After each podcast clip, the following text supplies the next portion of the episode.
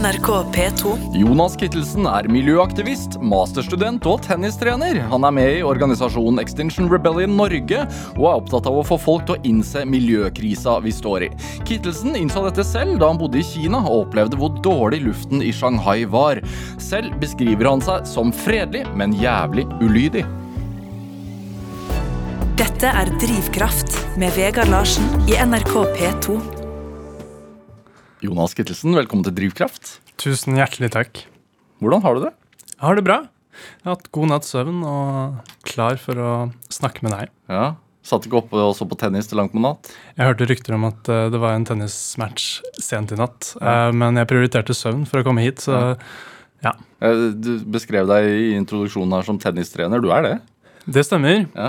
Um, jeg er um, tennistrener på Sagene um, I Oslo? I Oslo, Hovedtrener der for barn på Voldsløkka. Ja. Hva er eh, eh, Har du merket et økende engasjement eh, og tilskudd etter at vi har fått en tennisprofil i, i verdenseliten? Det er klart det hjelper. Um, men for min del så handler det mest om å eh, spille tennis. altså Det er kjempegøy. eh, og skape idrettsglede for de barna. Um, og, og så har man en stjerne som gjør at de får et idol. Ja. Um, og masse oppmerksomhet. Men, um, men det er tennisen som står i sentrum. Mm. Hvor mye miljø prater dere? I tennisen? Ja. det er fryktelig lite. Og det er jo det som er litt deilig. Det er jo derfor kanskje jeg er tennistrener, fordi det blir et avbrudd fra resten av alvoret vi står i. Ja, hva, er, hva er det som er bra med tennis som idrett? Og det er veldig individuell, mentalt liksom, styrke man trenger. Hvor, hvor, Um, altså På en annen måte så- enn med så- langrenn, liksom? Ja, det er så små marginer um, og fotarbeid og Altså, i langrenn så er det kapasitet og arbeidsoppgaver, mens her er det mye mer taktikk. Um, holde hodet på plass, rett og slett. Ja. Mm. Så fokus. Ja, kanskje. Ja. Det er noe der, altså. Hva er din styrke som tennisspiller? Det er men mentale. Eh, Jeg spilte, spiller mye med en venn, og han sa forrige gang at eh, Han er kanskje et hakk bedre enn meg, men han sa at uh, hver gang jeg går på banen med deg, så må jeg forberede meg på å gå i krigen. Og hvis ikke, så har jeg ikke sjanse til å vinne. Ellers så, så veit jeg at du uh, har vært på, på strategimøte hele helga. Stemmer. Ja, med XR, som du kaller det, eller Extension Rebellion Norge. Mhm. Hva er Extension Rebellion? Extinction Rebellion er en eh, klimaorganisasjon um, som bruker sivil ulydighet som metode. Um, og tanken der er jo Det ble jo oppretta uh, fordi man spurte seg spørsmålet hva er det vi trenger. Mm. Det vi trenger, er dype uh, samfunnsendringer på kort tid på en fredfull måte. Og så gikk man til historien, og så hvordan har det skjedd? Og da trenger man jo eh, mange ting. Men for å skape eh, den dype endringen, så har massebevegelser, eh, som er forstyrrende, eh, vært en utrolig viktig eller sentral ingrediens. Så det man da gjorde, var å bygge en organisasjon, en organisasjonskultur, eh, som skulle utfylle den rollen. Hmm. Um, så Blitt kjent i media her hjemme ved en del aksjoner. Hvil- Hvilke har blitt skrevet mest om? Jeg tror kanskje det som virkelig slo gjennom først, var jo da vi hadde sit-in. Altså vi satte oss ned i Olje- og energidepartementet eh, under forrige valgkamp, Mm. stortingsvalg. Um, da, da kom eh, Sylvi Listhaug og kalte meg at jeg sa at jeg måtte klippe meg og få meg en jobb. Eh, jeg snakket med Reuters, eh, CNN og eh, pressen som, som lurte på Som liksom så at nå, nå sa de unge nok. Men det er jo mange andre aksjoner. Eksempel I fjor så lenka vi oss fast til en 250 meter lang russisk oljetanker. Um, rett etter krigens utbrudd, fordi Norge importerer russisk olje. Mm. Um, og det slo jo an viralt internasjonalt. Ikke så mye i Norge. Limte dere fast uh, til publikumsbalkongen inne på Stortinget? Ja, uh, vi gjorde også det. Ja. Uh, som også fikk godt med oppmerksomhet. God oppmerksomhet? Um, det er jo et veldig stort spørsmål. Um, det er jo for å skape en, en kriseforståelse, um, og for å Hva skal man si um, Vi har jo stått utenfor uh, på Stortingsplassen der eh, Mm. hundrevis av ganger og bare skriker til en, en stor murbygning. Uh, så vi hadde lyst til å gå inn. Og to uker før så gjorde vi det samme, men da hadde vi bare banner. Og da ble vi tatt fra det banneret på to sekunder og tatt ut. Mm. Um, og det vi da gjorde, var at vi ville fortelle uh, Vi talte eh, Antonio Guterres sine ord, sin tale, uh, som sa uh, det er ikke de klimaaktivister som er de radikale, det er de som fortsetter å utvide oljeindustrien. Um, så vi ønsket at hans, FNs generalsekretærs ord skulle bli hørt i stortingssalen. Og for å skulle holde den talen, så måtte vi lime oss fast, ellers så hadde vi blitt båret ut på sekundet. Hva med, altså Dette provoserer jo mange også. Mm. I, i, på, en, også på en negativ måte. Mm. Det er jo veldig Hva skal man si hvis, Kanskje det som provoserer mest, er veiblokader. Mm. Um, Stoppe trafikken. stoppe trafikken. Folk folk er kommet på jobben. Nettopp. Um, og jeg personlig har ikke vært så mye uh, liksom organisert det, men um, man kan tenke seg at OK, la oss tenke oss at man har en veiblokade, og så kommer det tre personer forbi. Eh, første person bare syns, eh, og to personer syns at dette er helt idiotisk. Den første personen tenker at eh, det her er helt idiotisk, ikke sant? Bare liksom fuck dem. um, og går sin vei. Den andre er Klipp dere og få en jobb. Klipper og få en jobb. Ja. Og den andre er um, kanskje der hvor folk flest er, sier det her er ikke måten å gjøre det på. Mm. Men jeg støtter saken deres. Ikke sant? Og den tredje er sånn endelig. Eh, som, som ser sånn Å, dette er endelig noen som bare står i veien og sier det som det er. Og, og det som er interessant med den eh, person nummer to der, det er jo det at eh, jeg er ikke enig i eh, det du gjør, men jeg er enig i saken din. Og der er det veldig mye forskning som viser at sånne type aksjoner gjør at eh, klimaaktivister kanskje blir sett litt ned på. Altså de, den gruppen klimaaktivister blir sett ned på, Mm. men at det gagner saken, at saken kommer mer opp i dem også følelsesmessig. Um, og så er det jo selvfølgelig de som syns at oi, shit, dette er kult. Um, og jeg tror for at det skal oppleves frustrerende, eh, disse veiblokadene, så eh, Eller det oppleves frustrerende når det er liksom ti personer som bare er der i veien. Mhm. Men i det øyeblikket det blir mange, og oppleves som folkelig, så eh, er det ofte at det switcher. Fordi for eksempel i Serbia nå, da, så var det en eh, kullgruve eh, som plutselig startet opp, et mineral, eh, og så plutselig gikk tusenvis av mennesker ut i veien. Og da var det masse partier og eh, kjendiser som tok støtte, fordi det føltes som dette er folkets mening. Her var det mange hverdagsfolk som gikk ut. Eh, og det er jo det man ønsker å skape. ikke sant? Virkelig mange mennesker eh, som, som trekker tilbake sitt samtykke. da. Dette er Drivkraft med Vegard Larsen i NRK P2. Og i dag er eh, miljøaktivist Jonas Kittelsen her hos meg i Drivkraft på NRK P2. Hva er din rolle i Extinction Rebellion? Jeg um, Talsperson ser jeg det står mange steder på internett. Ja, Um, jeg starta XR Ung, um, så jeg ville ha et, et rom for unge som kunne møtes og gjøres ulydighet. lydighet. Hva er ung? Uh, det er et godt spørsmål.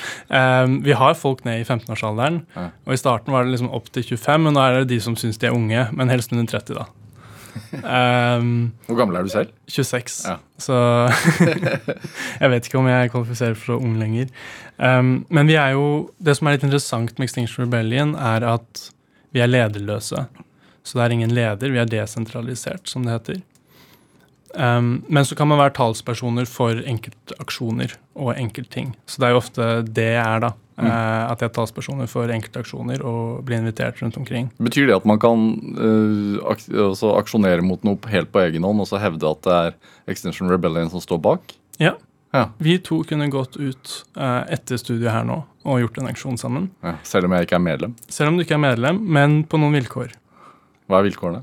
Det er at du følger eh, XRs, eller Extinction Rebellion sine prinsipper og verdier. Eh, som eksempel, Det er ti stykk, og eksempel ikke-vold.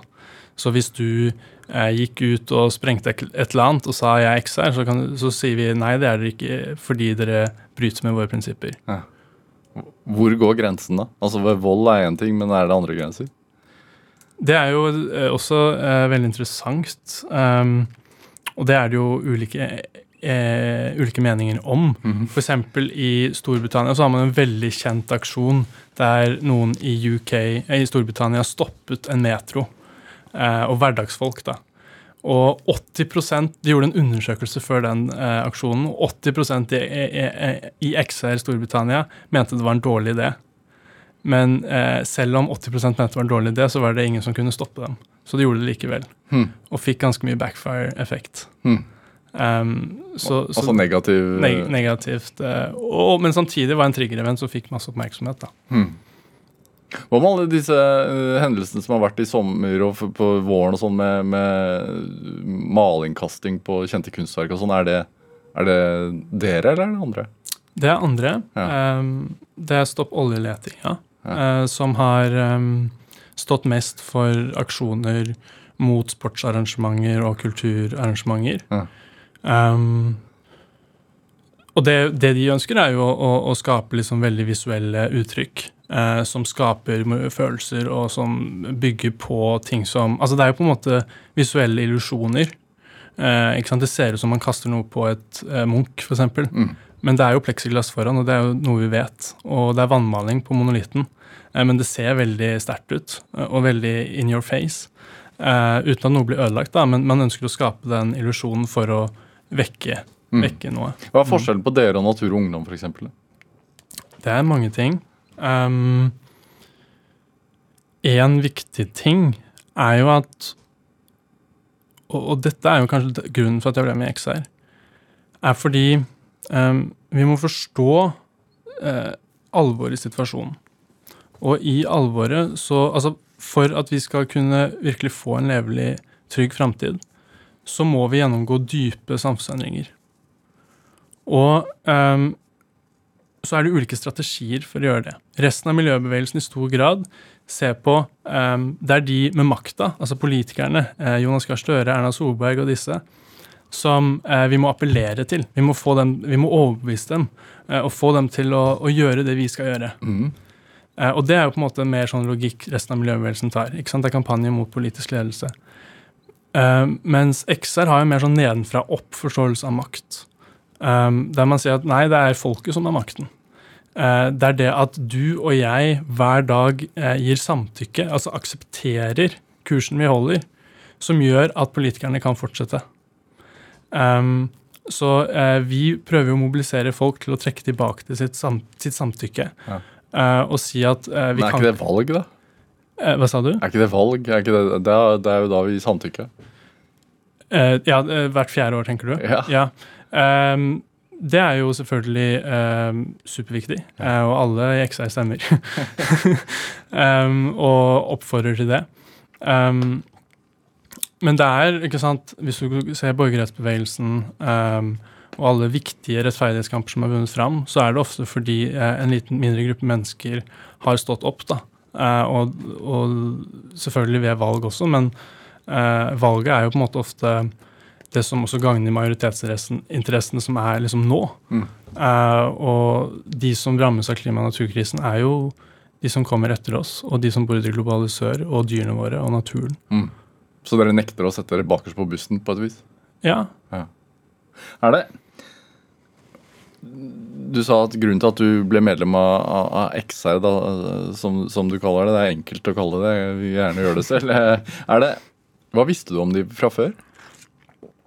Det er ganske gøy, fordi um, jeg var litt skeptisk selv.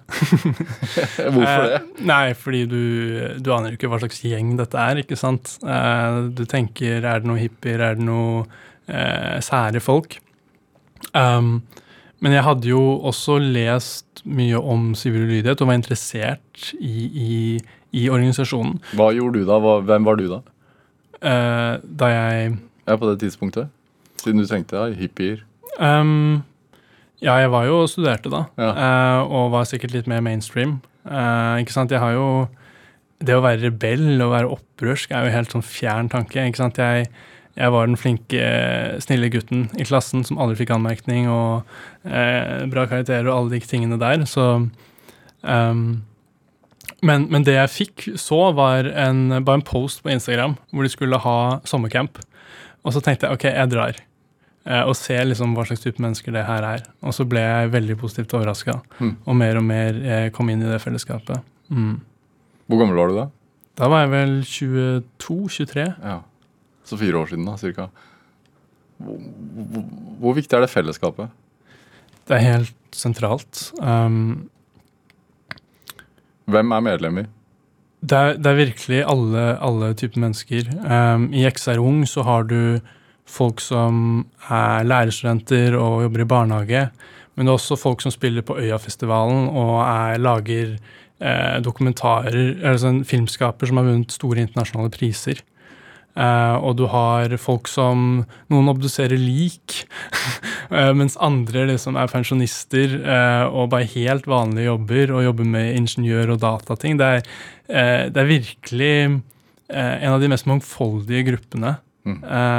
som, som, er i samfunnet. Mm. Men hvorfor, hvorfor ikke bare melde seg inn i et politisk parti? Fordi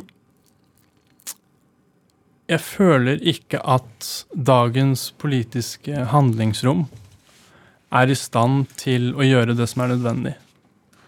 Eh, og nødvendig da definert som det det er vitenskapelig konsensus om at vi må gjøre for å unngå katastrofale følger. Det er bare å se rundt oss. Tenerife, Hawaii, eh, Hans eh, Ikke sant? Ekstremværet kommer nærmere og nærmere og blir mer og mer voldsomt. Og, og samtidig så snakker man innenfor de gamle politiske eh, ja, Samtidig så er det status quo innenfor det eh, politiske, som, som, man må skape et nytt uh, politisk handlingsrom. da. Hva er det, da? Um, jeg syns egentlig Fosen er et godt eksempel. Fordi det som skjedde da vi planla Fosen-aksjonene, var at det var en sak, ikke sant? Det var en av mange saker. men så gjorde vi sivil ulydighet. Vi gikk inn, Greta kom, det eskalerte. Og det som da skjedde, var at vi, vi klarte å bygge opp en, en, politisk, økonomisk og moralsk kostnad da, for, for, um, for uh, regjeringen som var helt tydelig dere bryter menneskerettighetene. Og vi skapte et helt enormt press som gjorde at de kom på bakbeina.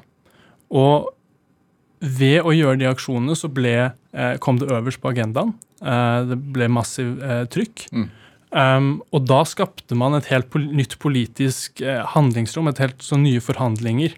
Eh, altså, eh, forhandlingsrommet ble helt annerledes. Det ble en helt annen bevissthet i befolkningen. Så når det nå blir 1000 dager, og de fortsatt har gjort noe, så forventer man at noe skjer, eh, og de eh, er stressa.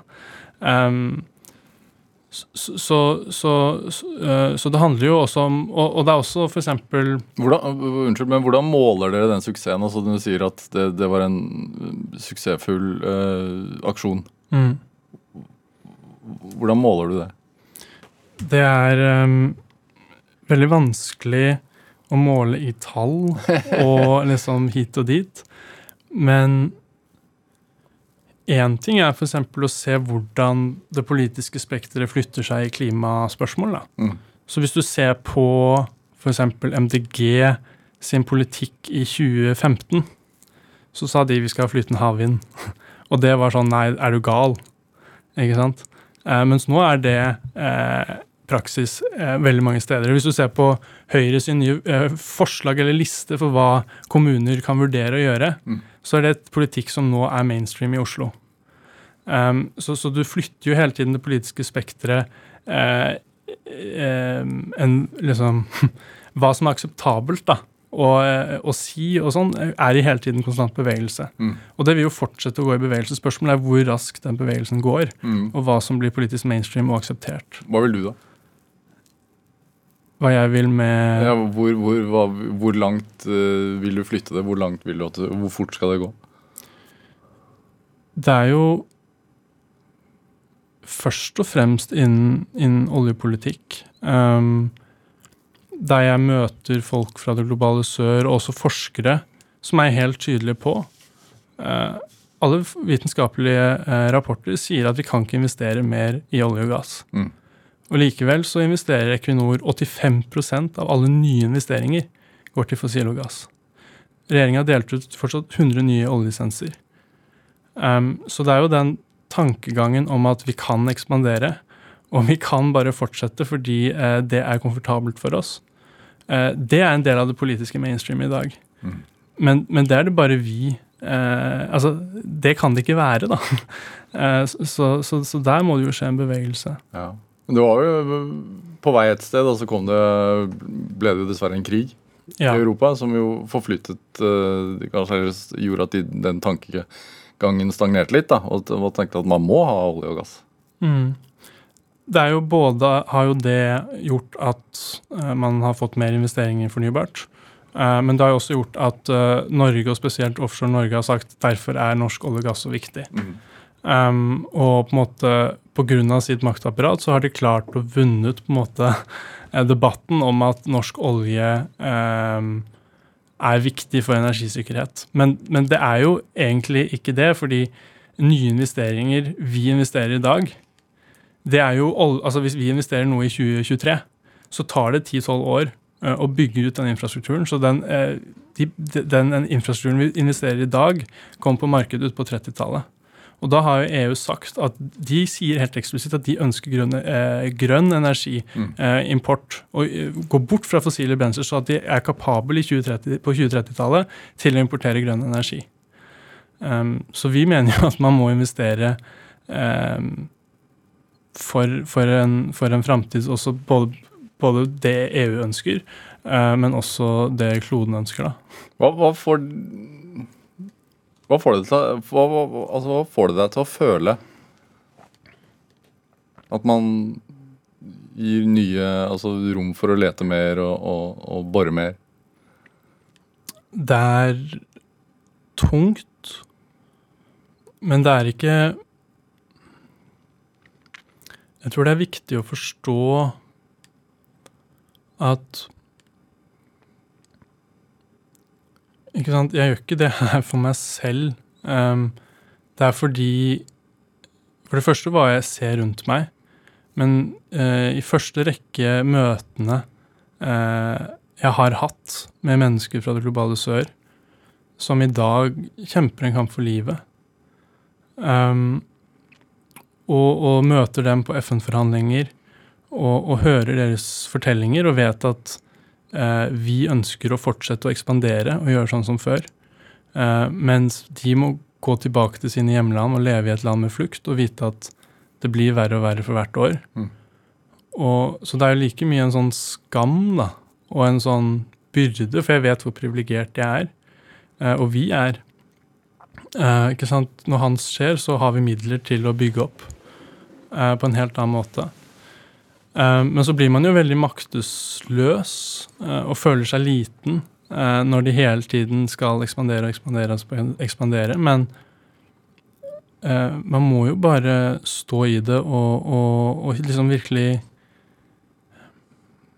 kjenne da at, at kampen du står i, er eksistensiell.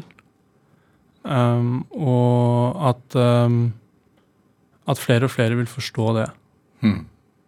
Men det virker jo ikke som om det er realiteten. da, altså Høy prosentandel i, i Norge f.eks. Som, som ikke tror at uh, klimaendringene er menneskeskapt i det hele tatt. Hva, hva, hva får det deg til å føle det? Ja, det er jo ca. 25 um, Og de må jo gjerne tro det. Eh, jeg er ikke så interessert Det handler jo mye om identitet, Mm. eh, og at man, man føler at eh, den livsstilen som man må gå bort fra, er en del av sin egen trygghet, og at det blir for vanskelig å forholde seg til. eh, og at alternative virkeligheter er mer fristende. Um, så uh, Men jeg vil jo også um, uh, tror jo også at mange av de ser nå ekstremvær, uh, og ser at eh, Og det, ha, det har sant, Det er annerledes. Det er mange som kanskje bor og ser at eh, været er annerledes, sånn at det blir mye mer fysisk, ikke så abstrakt lenger. Eh, men det som virkelig er viktig, er jo de 75% som tror på det. Mm. Eh, det er de vi virkelig må, må få til å, til å få fingeren ut da, og, og, og innse alvoret. Mm. Mm. Hvorfor stemmer ikke flere da på, på hva skal man si, mer miljøretta partier? Ja, det fins vel kanskje klokere hoder eh, til å svare på det, men eh, det handler jo litt om at Jonas Gahr Støre var frekk nok på eh, åpningstalen sin, til å si at eh, klima og natur skal være rammen for all politikk.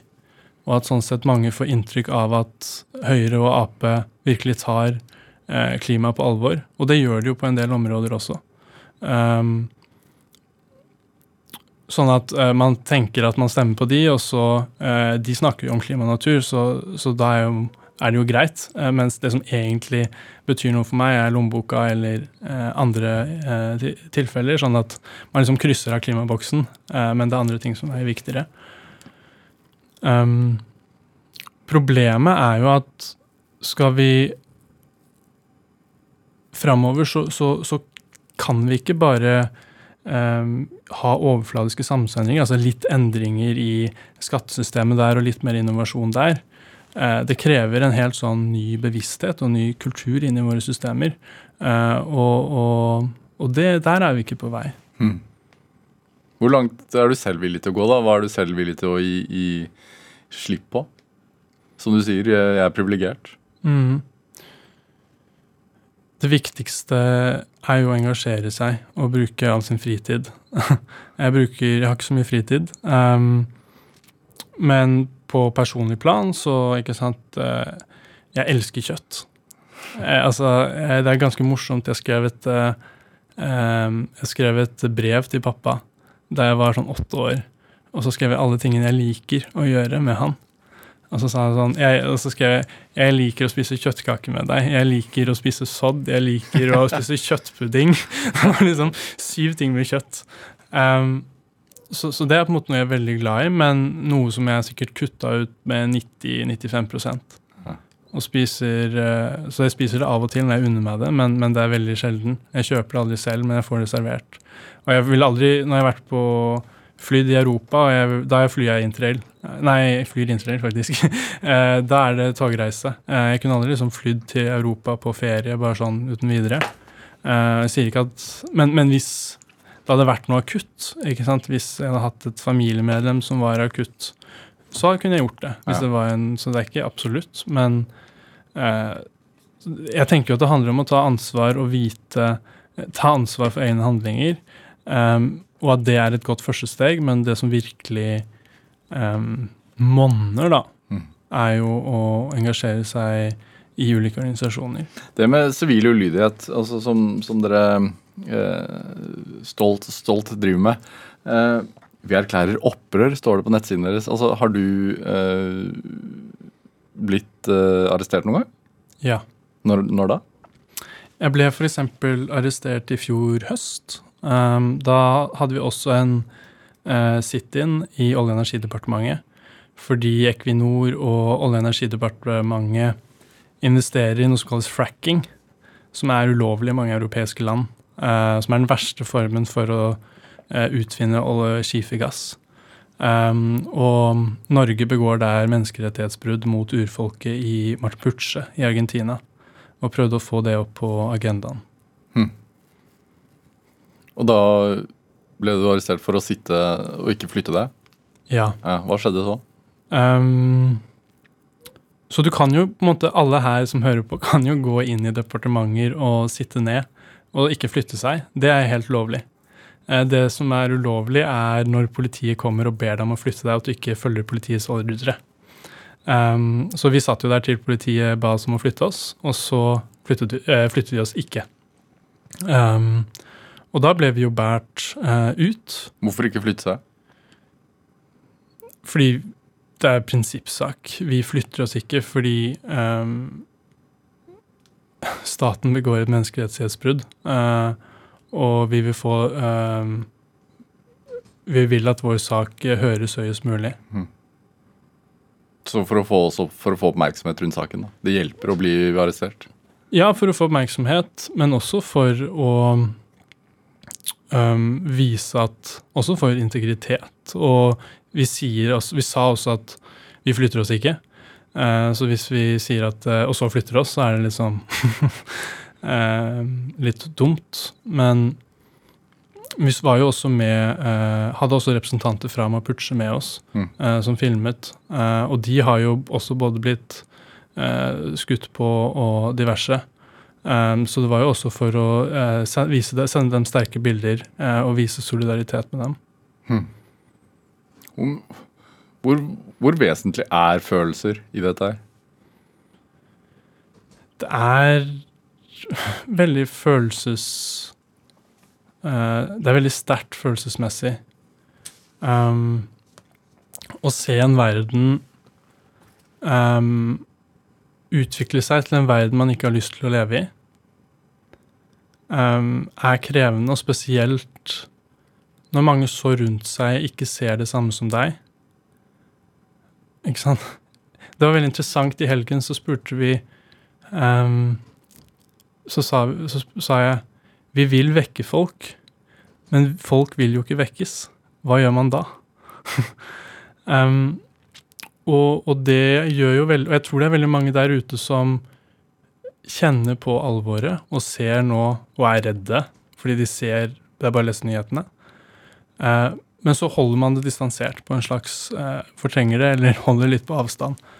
Men så er det jo noen av oss da som kanskje ikke klarer å holde på avstand fordi det faktisk er eksistensielt, og klarer å ha en empatisk tilstedeværelse. Og når man da kjenner på det, så føler man seg jo veldig alene når alle andre rundt seg klarer å holde det unna. Um, så det å da komme inn i fellesskap som faktisk klarer å ta det inn over seg, og, og gi rom for det, uh, det er jo også en veldig sterk følelsesmessig ting å kjenne på. Mm. Det fellesskapet. Uh, ja. Jonas Kittelsen, vi skal spille litt musikk. Eh, Du har med en eh, Karpe-låt, eh, Gunerius, men det var veldig viktig for deg at vi skulle spille den litt lange introen som de har på musikkvideoen sin. Hvorfor det? Ja, jeg ble jo spurt om en låt, og da, da kom jo Karpe eh, til meg. Og så lurte jeg på eh, hvilken sang, og jeg ble jo født og oppvokst på Grønland. Um, og Gunerius, som vi skal spille, høre, um, er jo på en måte et kjøpesenter på Gunerius. Og Ja, på Grønland, ja. på Grønland, sorry. Um, og um, første, første setningen i introen er 'Jeg danser på gjerdet'. Og jeg husker jeg hørte sangen mens jeg var i Kina, og så ut av vinduet, og da traff den setningen meg veldig. Fordi jeg føler at jeg danser på gjerdet. Eh, jeg føler at eh, man på måte, jeg på en måte sitter på gjerdet, jeg sitter litt utafor og ser på et samfunn eh, som jeg ikke kan akseptere. Um, men jeg sitter der liksom ikke surmulende. Eh, det er mer eh, Jeg føler det er mer en sånn letthet og en slags dansende eh, følelse da på gjerdet. Um, og jeg tror det er veldig viktig Altså, jeg har hatt en fantastisk barndom med utrolig fine foreldre. Og ja, jeg, jeg føler meg også lykkelig, hvis man kan si det i 2023. jeg vet ikke. Um, men, men at det må, for å kunne stå i det alvoret, da, så må man også kunne kjenne på en slags letthet og kunne tulle og le og danse. Ja. Um, så det, når jeg hørte 'Jeg danser på gjerdet', uh, og så er det ganske mye interessant tematikk og uh, gode tekster etter det, så følte jeg shit, det var en setning som, som uh, traff meg.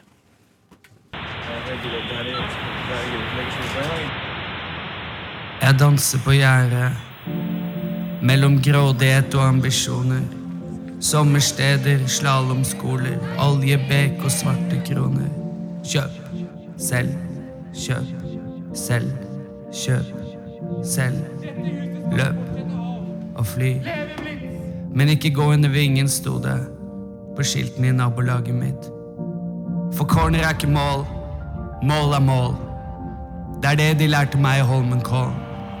Så jeg danser på gjerdet mellom grådighet og ambisjoner. Sommersteder, slalåmskoler, oljebek og svarte kroner.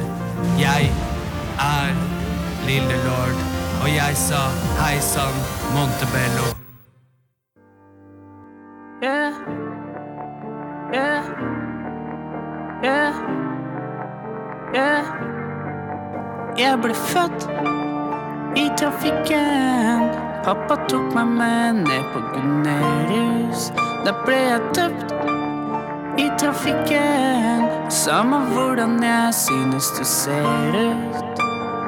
Yeah.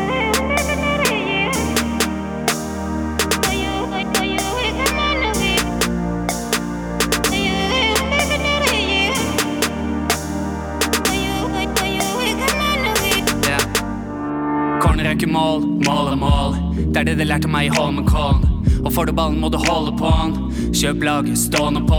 Halla Sogndal, halla Jostein Flo. Dette er 100,6 Radio Oslo Fjord. Spor, veien som fostermor. Dette er hvor jeg bor nå. Og jeg var sikker på at jeg skulle bli bonden i min til blodet stivner. Men nå titter jeg på en skjerm med to poder som ligger i fosterstilling. Ah, tvillinger, tvillinger, tvillinger, tvillinger, shit. Enda større bil, enda større hjerte, enda større tits. Hun vil ha støy, hun vil ha så hun vil ha Jonas. Hun vil ha Jonas. Jeg vil ha støy, jeg vil ha Bob, men jeg vil ha Oda. Jeg vil ha Oda. Jeg skal bli far. Oh. Dette er en Lotus. Jeg skal bli far, jeg skal bli far. Resten er bonus. Men jeg ble født i trafikken. Pappa tok meg med ned på Gunerius. Der ble jeg døpt i trafikken. Samme hvordan jeg synes du ser ut, så skal jeg elske deg til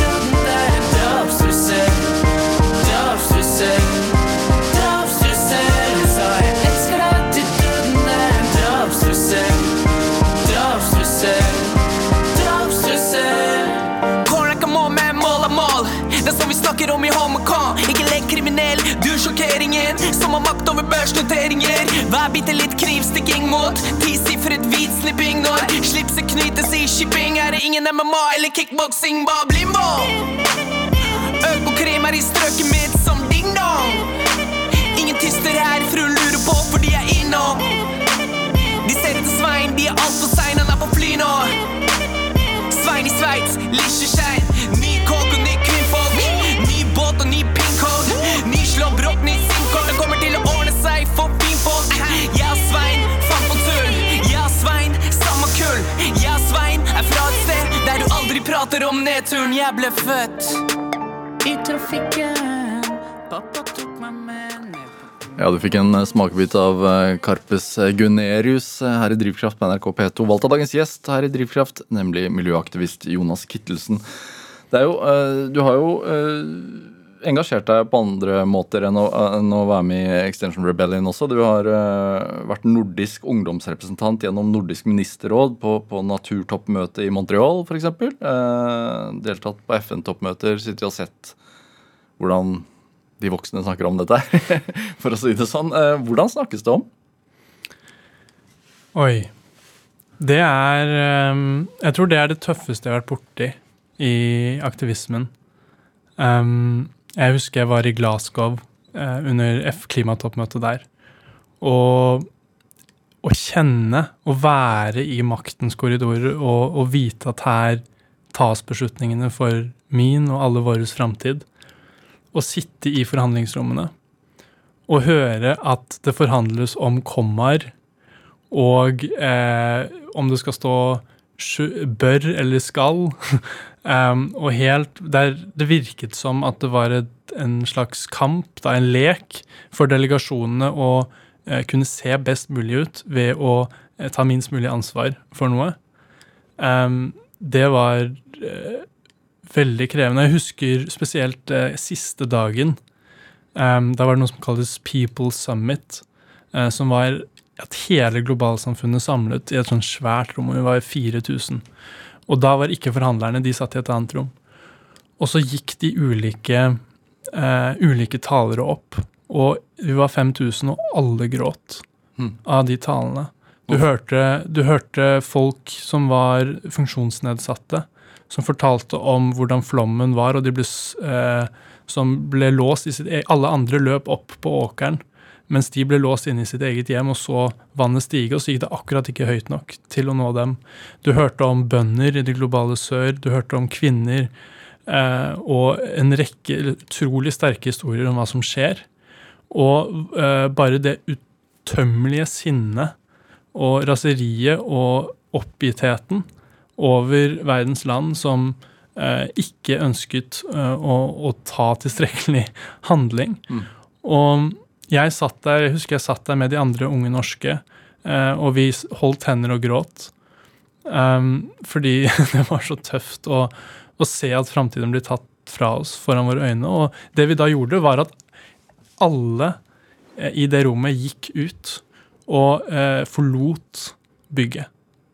Og mens vi gjorde det, så var vi en eh, Vi gjorde det med eh, en utrolig kraft og slagord, der hele verdenspressen dekket. Og så husker jeg vi kom ut, eh, og så var det en Røde Kors eh, som hadde vært i norske delegasjoner, eller sivilsamfunnet fra Røde Kors, og så sa til meg det er jo eh, det, Den nye verden skapes jo ikke der inne. Den nye energien eh, er her. Um, ja. Så det er jo sånn, ja. Hvor, hvor startet miljøengasjementet ditt? Jeg tror det er mange innganger til en personlig reise. Um, jeg vil faktisk, hvis jeg kan, starte med å gå helt tilbake Mhm. um, til barndommen. For jeg ble født og oppvokst på Grønland. Mm. Kunstnerhjem? Kunstnerhjem. Mamma er kunstner, og pappa er poet. Mm. Og uh, på barneskolen så var jeg så å si eneste etniske norske. Så jeg ble jo født oppvokst midt i verden. Um, pappa hadde noe som kalles fjerde hver fredag. Han hadde hva? Noe som kalles fjerde hver fredag, Ja. som er en fest fjerde hver fredag der han bare lagde suppe. Og inviterte, inviterte ingen, men folk bare kom. Uh, og det pågikk i 25 år. Og der kom det ambassadører, og det kom Altså Erling Kittelsen-poeten. Erling Kittelsen. Ja, Kittelsen-loftet ble det vel kalt denne hendelsen som var Nettopp. Ja. Og der kom det alle mulige mennesker. Så, så eh, ikke sant, Uteliggere som trengte mat, ambassadører, masse kunstnere. Så jeg ble på en måte eh, smeltet inn i verden og utrolig mange kulturer, sånn at jeg fikk det globale blikket. Mm. Og veldig mange fra den arabiske verden spesielt var mine venner, og er mine venner, eh, opp igjennom. Så det globale blikket og samfunnsblikket har jo alltid vært med meg. Um, og så dro jeg jo til Kina, som sagt. Hvorfor det? Um, jeg var ikke helt sikker på hva jeg skulle gjøre etter videregående. Jeg tror det er mange som kjenner på det. Uh, og så jeg litt, tok jeg litt kinesisk på videregående. Uh, og så fikk jeg faktisk et um, kinesisk stipend fra den kinesiske stat. Uh, hvor jeg kunne fikk sponsa ett år i, på Fudan Dashue, på Fudan University. Um, Hvor er det? i Shanghai. Ah. Og der ble det jo klimakrisen og naturkrisen ble virkelig. Det første jeg gjorde om morgenen, var å sjekke telefonen for å se om jeg kunne gå ut og trene. Hvorfor det? Fordi eh, luftforurensningen var så dårlig at det var helsefarlig. Så som vi sjekker Yr, så sjekker de luftkvalitet? Nettopp. Ha. Og jeg så en enorm Ikke sant, enormt eh, Enorme luftforurensningen og smoggen som Hvordan merkes det, eller hvordan er det?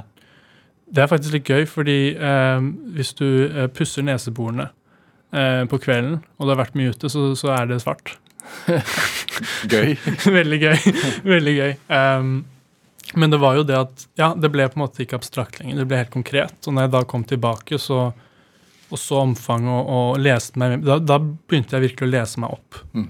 Hva er det som skjer? Og jeg kunne faktisk ikke forstå at eh, det var så, sto så ille til. Eh, og da ble jo på en måte reisen videre å prøve å finne en inngang, da.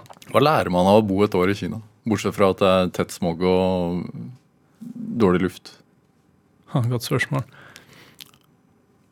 Man lærer at det er en at Man lærer at man ikke kan forstå Kina fra Vesten. Fordi det er en så annen virkelighet. En, man, man, det er en helt egen boble man lever i. Helt egne apper, helt egne måter å snakke på. Um, det er um, så utrolig mange mennesker. så utrolig store dimensjoner. Så man, man, og så er det veldig rart å være hvit og veldig høy. Ikke veldig høy, da, men sammenlignet med dem, så man stikker seg veldig ut. Så man ser alle disse menneskene rundt seg, så er man den eneste som stikker seg ut. Og liksom, hvorfor er jeg den ene personen? Mm. Uh, og man får eh, Og så man, møter man jo også folk og kjenner den politiske kulturen. Hva er det man snakker om? Hva er det man, hva er det man, politisk, hva er det man kan snakke om? Hva er det man ikke kan snakke om? Eh, hvordan, og få et helt nytt blikk på hvordan det som man tar for gitt i Vesten, kan gjøres på en annen måte. Eh, ofte på en dårligere måte i Kina, ikke sant? Men, men, samtidig et helt sånt nytt sideblikk. da. Mm. Hm. Men, men var det starten på, på et sterkt engasjement, eller uh, føler man motløshet? Jeg tror Da jeg da jeg fordypet meg inn i alvoret og hva, hva det vil si, og hva vår tid krever av oss, um, så var det på et vis at jeg kunne ikke sitte og se på eh, for å kunne puste. Altså jeg måtte aktivisere meg, måtte få det ut på et eller annet vis. Mm. Um, Men jeg veit du måtte søke tilflukt på hytta og ja. Um, så, så, så der på en måte starter inngangen da, på hva skal jeg gjøre. mm. Um, og så gikk jeg jo på og tok bachelor i internasjonale studier, hvor jeg hadde masse ulike fag, men det var ikke så Det var liksom veldig, bare sånn liten touch av veldig mange ting. Så det jeg da gjorde etter det, var å dra på hytta eh, i en tre måneders tid alene. Og da leste jeg sikkert over 30 bøker og virkelig prøvde å finne ut av hvor er min retning, da. Hva leste du? Mye, mye forskjellig, men eh, en del Gandhi. Arn, Arendt, um, Arne Johan Vetlesen, eh, men også liksom psykologi og litt fysikk og, og litt andre ting. Eh, og eh, ja, IPCC-rapporten og Hvor, hvorfor Gandhi? Jeg tror um, jeg da så behovet for at det å sitte Altså det er så sterke krefter i Norge f.eks.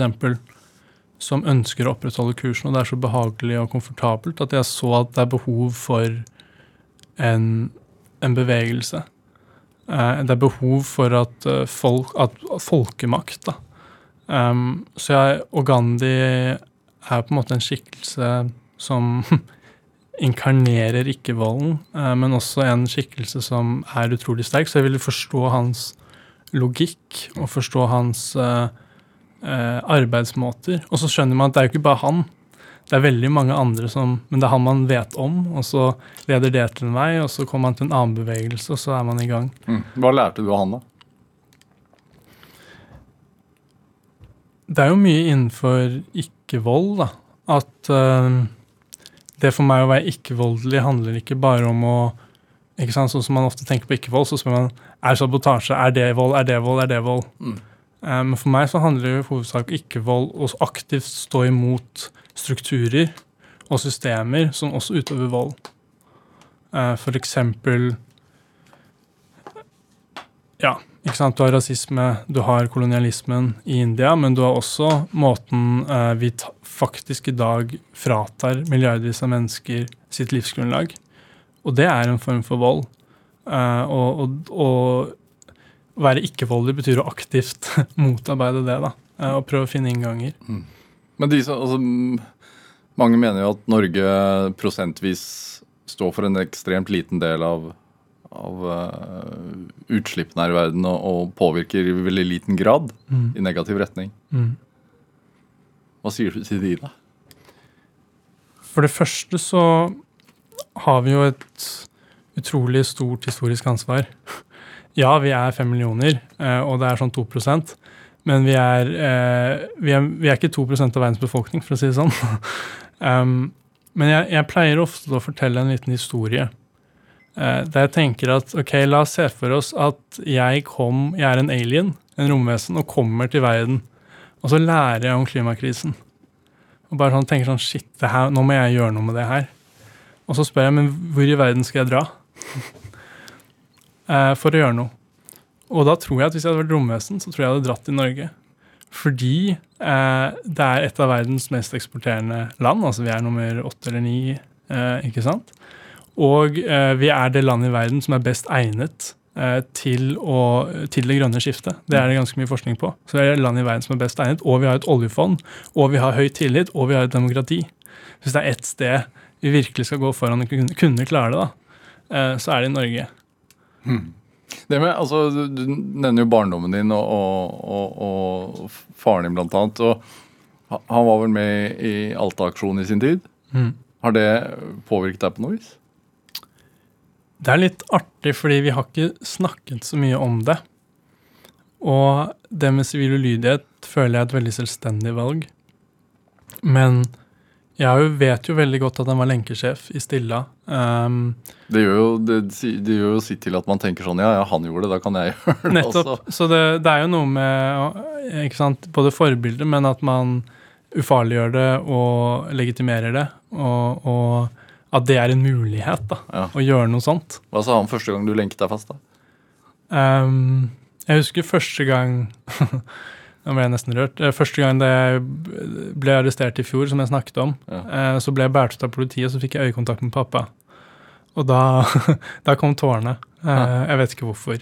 Men det var bare noe veldig sterkt. Sikkert blikket hans, som var sånn han så seg selv, fikk jeg følelsen av. Ha. Um, ikke at det er et mål i seg selv, men det var et veldig, veldig sterkt blikk. Mm. Det med eh, altså med kunstnerforeldre Du kunne jo valgt noe helt. Du kunne jo uh, uh, prøvd å uh, sette fokus på dette her med, med kunstuttrykk, da. Mm. Jeg vet du skriver bok. Ja. Jeg tror når man vokser opp med kunstnere, så Eller de har vært veldig på at jeg skal finne min vei. Um, og jeg har um, De har ikke prakka på meg ting. Um, sånn at jeg måtte funnet ut av det. Og nå eh, Jeg føler jo ikke at jeg er skriver som pappa. Ikke sant? Han er poet som skriver ting og, og får ting gjennom språket til å skje. Mens på mitt så er det mer et sånt eksistensielt alvor. Jeg føler at jeg må eh, skrive for å Fordi det er viktig. Mm. Um, så, så nå skriver jeg faktisk eh, bok, eh, som er veldig spennende. Er det det som handler om, om klima? Mm. Ja. Det handler om ikke sant, Vi i, ute i gatene vi, syng, vi skriker jo ofte 'system change, not climate change'. Altså systemendringer, ikke klimaendringer. Men hva betyr systemendringer? Hva er det Når jeg sier vi skal ha dype samfunns, fundamentale samfunnsendringer, hva betyr det?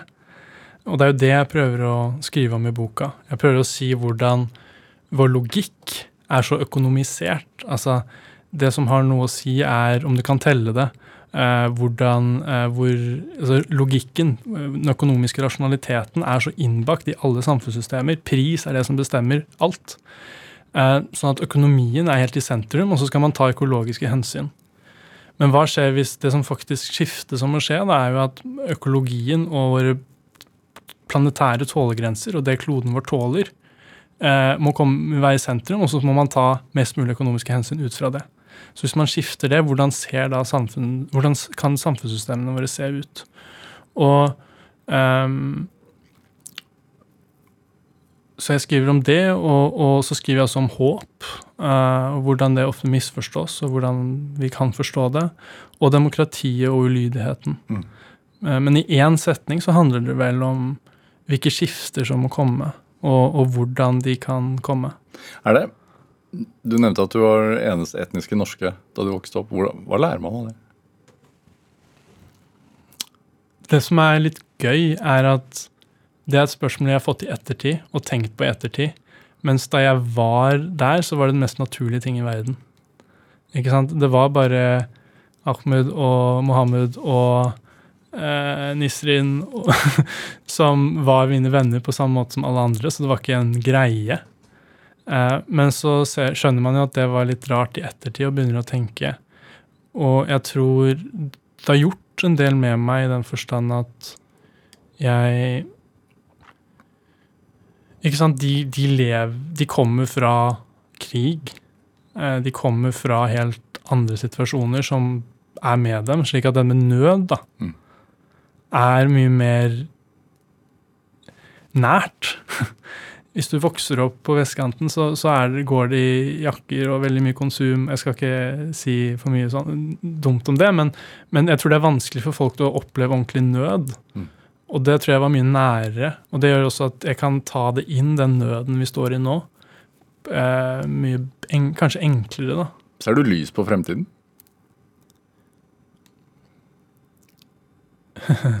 Jeg Jeg syns det er vanskeligere og vanskeligere å, å se lyst på det. Um, men, men som sagt så Altså, kommer, kan, man kan ikke stille et sånt spørsmål uten å uh, avklare for hvem. Og for min del um, så uh, kommer ikke sant, Vi kommer til å klare oss. Verden går ikke under eh, over natta. Det er ikke sånn klimakrisen funker. Det er at det sakte eh, gjør ting verre. Men for veldig mange eh, venner i det globale sør og, og folk rundt om, også i Norge, så vil det jo eh, være eh, Kan man ikke ha optimisme, sånn bare ren optimisme? Men man må skape det håpet, da. Jeg syns det er veldig idiotisk at man hele tiden spør er du optimistisk eller har du håp. Eh, men det er ikke, håp er ikke noe man skal finne, det er noe vi må skape. Og det må skapes kollektivt. Mm. Jonas Kittelsen, hva er drivkraften din? Oi. Drivkraften min er kjærlighet for det som er. Kjærlighet for? Naturen, økonomi Nei, naturen forutsetter alt vi er glad i. Det forutsetter demokratiet vårt, tilliten vår, økonomien, vann, mat. og det er vi på vei til å miste. Og eh, jeg er villig til å gjøre alt for å beskytte det. Eh, og det er ikke av raseri, men fordi jeg er så takknemlig for eh, det den gir oss. Jonas Kittelsen, takk for at du kom til Drivkraft. Hør flere samtaler i Drivkraft på nrk.no eller i appen NRK Radio. Send oss ris eller ros, og også tips til mennesker som du mener har drivkraft. Send den e-posten til drivkraft.krøllalfa.nrk.no. Vi hører veldig gjerne fra deg. Produsent i dag det var Kjartan Aarsand, mens eh, Dorthea Høstaker Norheim og Siv Wammer gjorde research til denne sendingen. Dette var Drivkraft. Jeg heter eh, Vega Larsen. Vi høres.